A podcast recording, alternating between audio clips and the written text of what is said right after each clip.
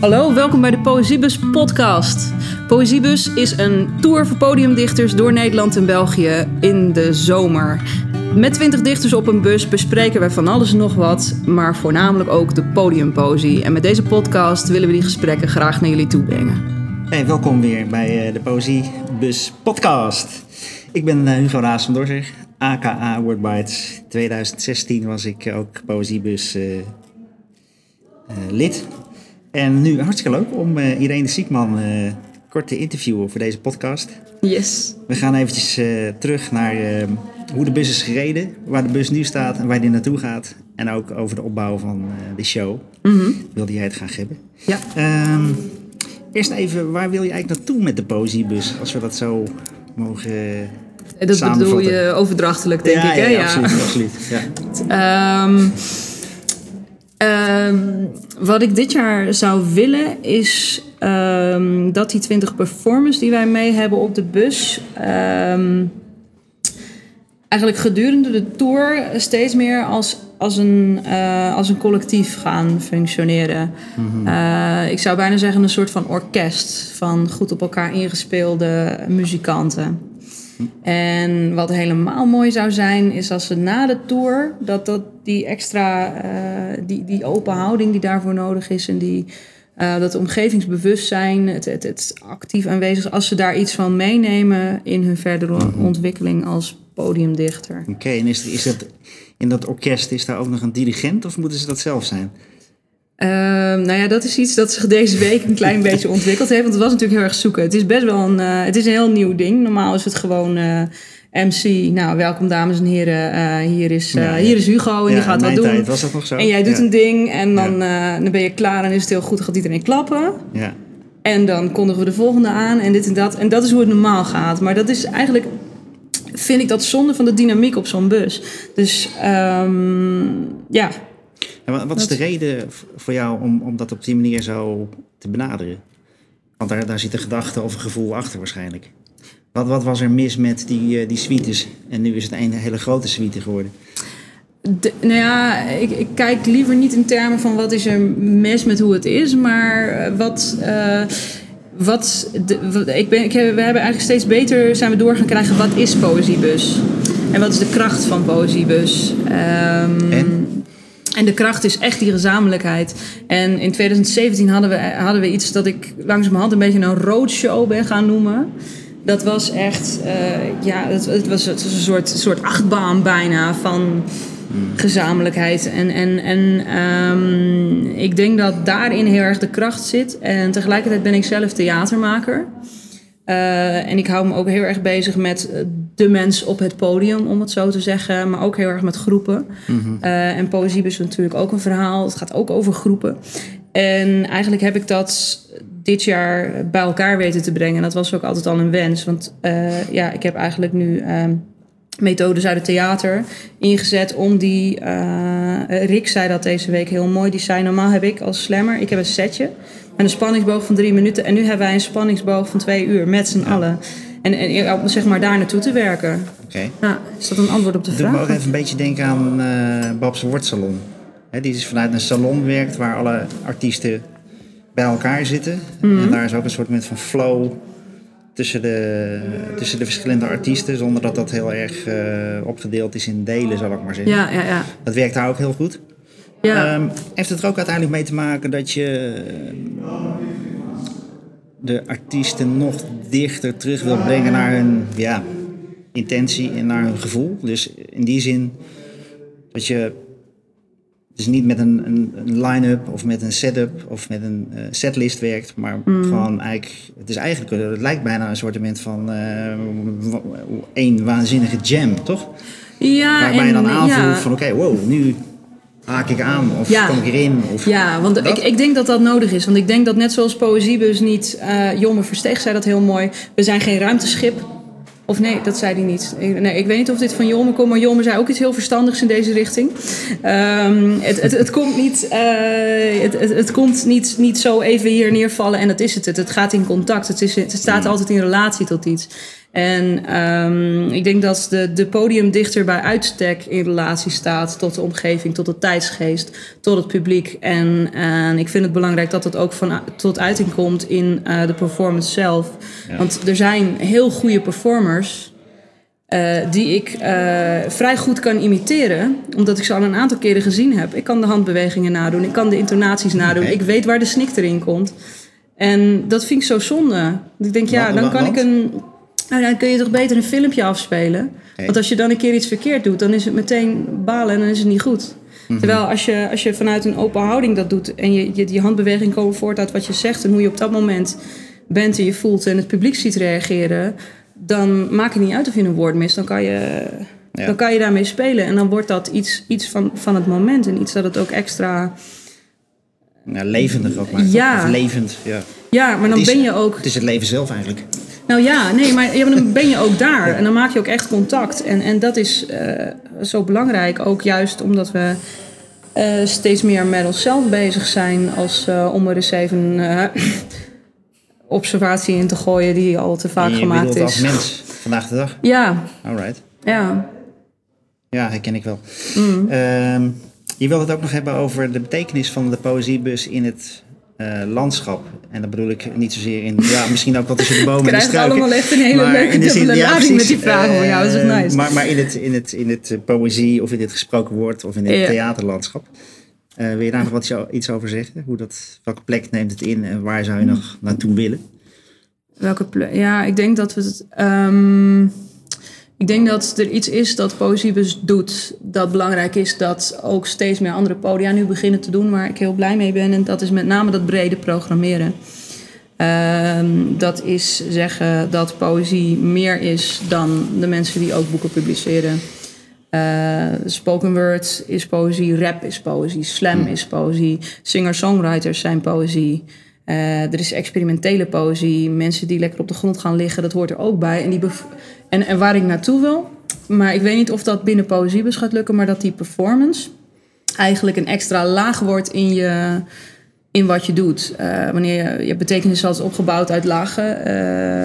en dat je performance, dat, dat je je tekst hebt dat je een manier hebt waarop die tekst uit je mond komt, maar ook je mm. eigen aanwezigheid in de ruimte die dat nog weer extra uh, um, kleurt. Want op die manier is het ook meer dan. Uh, we hebben iemand op de bus, een wat ouder iemand, en die noemt het stelselmatig lezen. En die zegt dan: Irene, waar lezen we vanavond? Ja. En ik ga hem daar niet op corrigeren, omdat, uh, omdat ik weet wat hij bedoelt en hij weet wat ik bedoel. Maar um, het, is, het is meer dan lezen. Het is, het is, uh, je bent eigenlijk die tekst aan het verpersoonlijken. Ja. Uh, dus die bus ja. die gaat ook een nieuwe naam krijgen, of niet? Is dat zo? Nou, dat denk ik dan. Stel, je zou hem een nieuwe naam kunnen geven. Hoe zal ik hem eens noemen? Hoe ga je hem noemen? Want, ik bedoel, het, het gaat veranderen. Nou, het, ja, verandert, het is moet, in beweging. Moet het, moet het een beschrijvende en goede naam zijn? Of moet het een naam zijn die aansluit bij wat ik net gezegd heb? Ja, dat weet ik niet. Want dan zou ik hem de podiumposiebus willen noemen. Maar dat is ook niet echt... Precies. Nee, dat is het ook niet. Ja, het, het is eigenlijk wel gewoon wat het is. Uh, we hebben over die naam destijds heel lang nagedacht.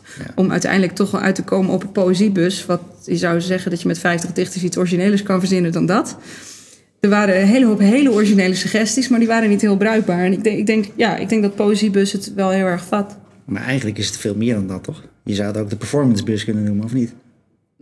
Ja, en niet dat het een, sticky naam is die briljant is. Zo bedoel nee, ik niet, nee. maar wel van... Nou ja, ja die performance is wel belangrijk, ja. Het bevestigt een beetje het gevoel, het beeld van het lezen. Terwijl we dat nou... Nee, uh, dat ben je dus liever niet aan het doen, nee, inderdaad. Precies, nee, uh, ja, je bent die put... Nou ja, kijk, wij selecteren ook op performance. En um, ja. dus niet alleen op tekst. En dat betekent dus dat je met alleen goede teksten niet die bus opkomt. Nee. En, maar met een, ticket. Ja. Nee, maar met alleen een goede performance ook niet. Nee, um, dan wilde je nog iets zeggen over uh, de opbouw van de optredens. Dat heeft waarschijnlijk een relatie met wat je net vertelt. Ja, ja, maar uh, kun je daar nog iets over vertellen? Over de, opbouw uh, van, de, van de optredens in een avond?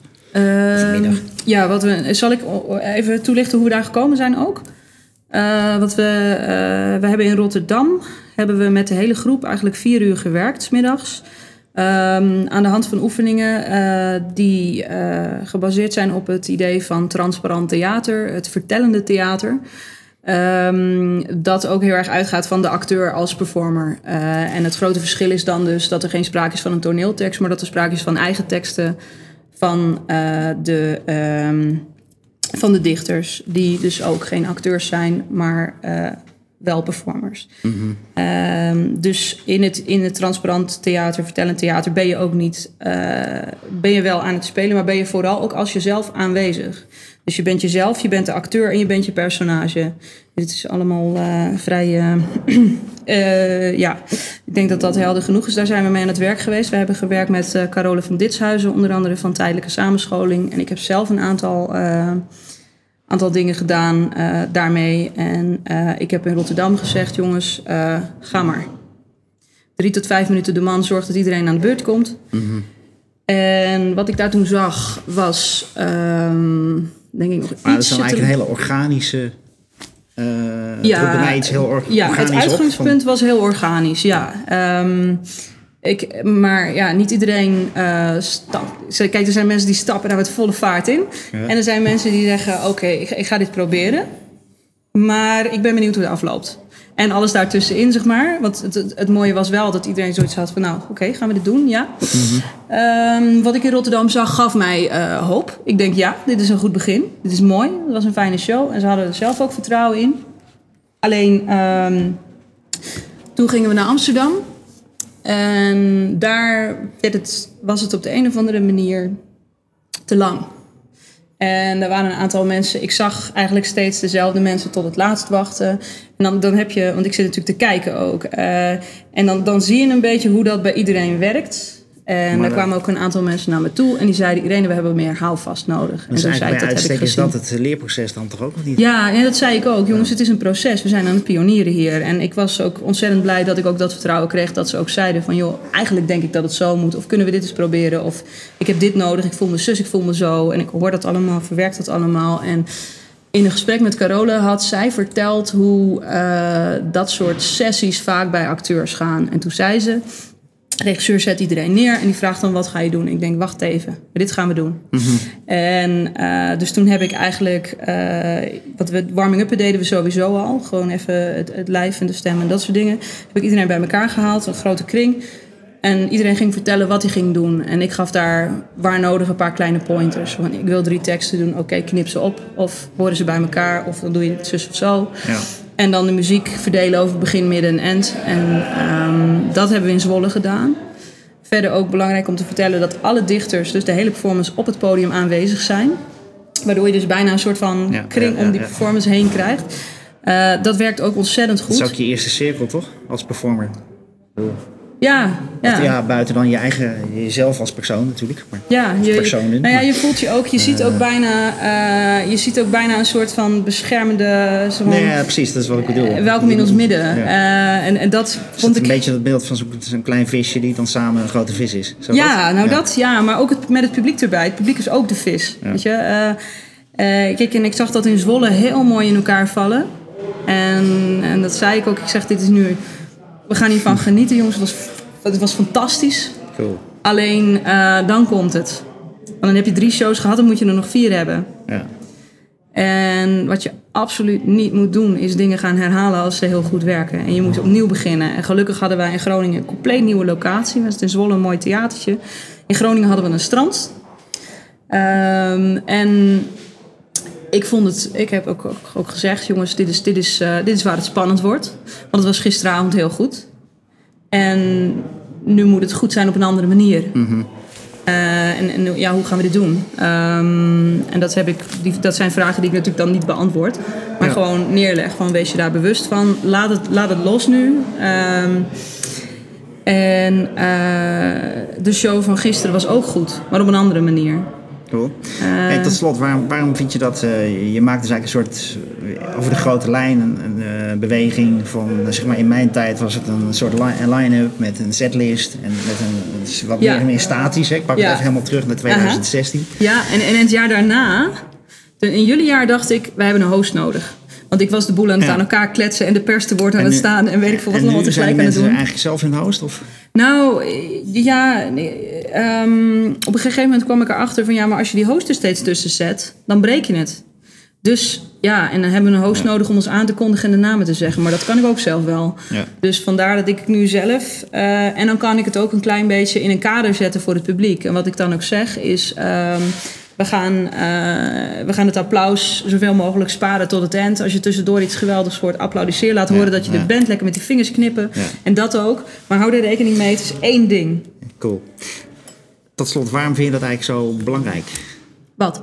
Die, die, die, ontwikkeling van setlist naar hè, wat meer statisch, naar dat hele, ik noem het maar even organisch, voor het gemak. Ja. Nou ja, ik, ik, ik denk niet dat iedereen dit moet gaan doen. Maar ik denk wel dat dit een heel mooi, eh, mooie manier is ook. Ik had het er in de bus over, over met Aurora. eh, dat wanneer ehm, voor mensen die competitief ingesteld zijn... die groeien van competitie, die groeien van wedstrijden... is er al zoveel.